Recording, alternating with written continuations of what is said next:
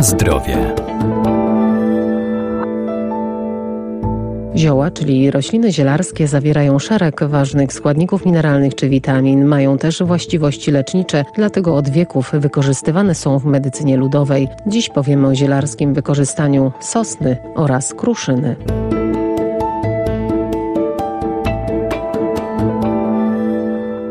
Kruszyna to krzew o cienkich gałązkach. W ziołolecznictwie wykorzystywana jest głównie jej kora. Ma działanie oczyszczające i pobudzające trawienie. Wędrując po lesie, szczególnie za grzybami, warto też popatrzeć, że w lesie ponad tym runem są bardzo ciekawe czasami gatunki drzew. Doktor ogrodnictwa Arkadiusz Iwaniuk. Jednym z takich interesujących gatunków, czasami kuszących czarnym, drobnym owocem, aczkolwiek niejadalnym, o czym łatwo się przekonać, bo jeśli spróbujemy owoc kruszyny, bo to właśnie o tym drzewie mowa, to poczujemy, że ten owoc jest mdły, niesmaczny. No i dobrze, bo jest też w zasadzie lekko trujący. Nie powinniśmy kruszyny jeść pod żadnym pozorem. To nie jest to gatunek jadalny, chociaż wyglądać może smacznie. Owoce są drobne, ale czarne. Czym się ta kruszyna charakteryzuje? Jak ją rozpoznać? No właśnie przede wszystkim po owocach, czyli kiedy we wrześniu czy nawet w październiku będziemy po lesie wędrować, szczególnie w miejscach lekko podmokłych, wilgotnych, takie niewielkie drzewka, niepozorne, można by powiedzieć, z czarnymi owocami możemy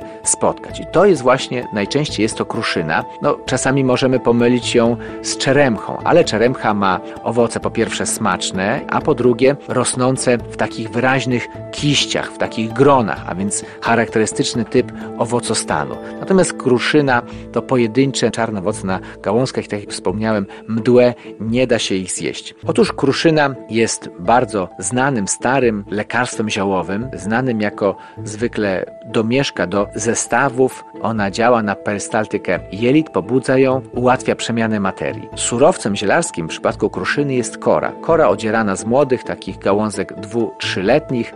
Otóż ta kora powinna być albo wysuszona i przetrzymana około roku, albo przygotowana, zanim stanie się składnikiem naszej mieszanki albo w ogóle składnikiem zielarskim, ponieważ surowa kora ma też właściwości wymiotne, a więc nie dałoby się jej stosować jako normalne lekarstwo, bo skutek byłby odwrotny. A więc tą korę, którą przetrzymamy rok lub podgotujemy, to wtedy możemy zastosować do takich mieszanek, które leczą problem osób, pracujących często w pozycji siedzącej, mają mało ruchu, a więc właśnie ułatwiającą perystaltykę jelit.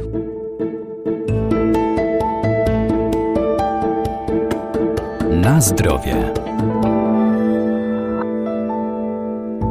Sosna to wiecznie zielone drzewo. Jej pędy i pąki zawierają znaczne ilości olejku eterycznego. Preparaty sosnowe w postaci syropów, wyciągów i odwarów wykorzystuje się w wielu różnych schorzeniach. Olejek sosnowy działa rozgrzewająco, rozkurczowo i bakteriobójczo.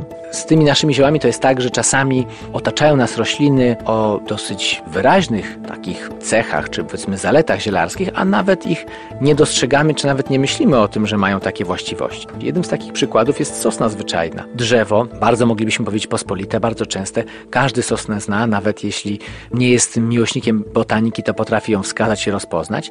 Jest to również gatunek, który ma zastosowanie w ziołolecznictwie. Zacznijmy od tego, że jest to bardzo prosty w pozyskiwaniu materiał zielarski, ponieważ do takich zastosowań używa się młodych pędów sosnowych, takich wiosennych, świeżych, które są jeszcze miękkie, zawierają dużą ilość, jakbyśmy powiedzieli, soku, wody, a jednocześnie mają też duże ilości witaminy C i olejków eterycznych. I zastosowanie tych leków, czy powiedzmy tych środków uzyskiwanych z sosny jest bardzo takie szerokie. To jest takie trochę panaceum. Z jednej strony jako wzbogacający organizm witaminę C, jako działający przeciwko przeziębieniom, czyli na przykład wyciągi sosnowe działają świetnie, czy leczą infekcje dróg oddechowych.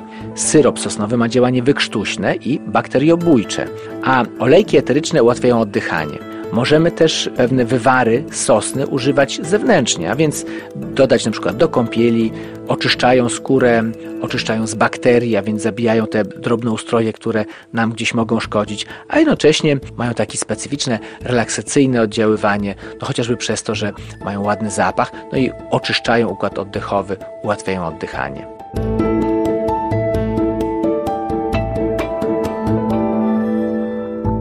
Rośliny zielarskie wspomagają nasz organizm, należy jednak pamiętać, że zioła trzeba stosować z umiarem, zwłaszcza jeżeli są używane w celach leczniczych. Najlepiej ich zastosowanie i dawkowanie skonsultować z lekarzem. Szczególnie dotyczy to roślin trujących, które nieodpowiednio stosowane mogą spowodować szkodliwe skutki uboczne.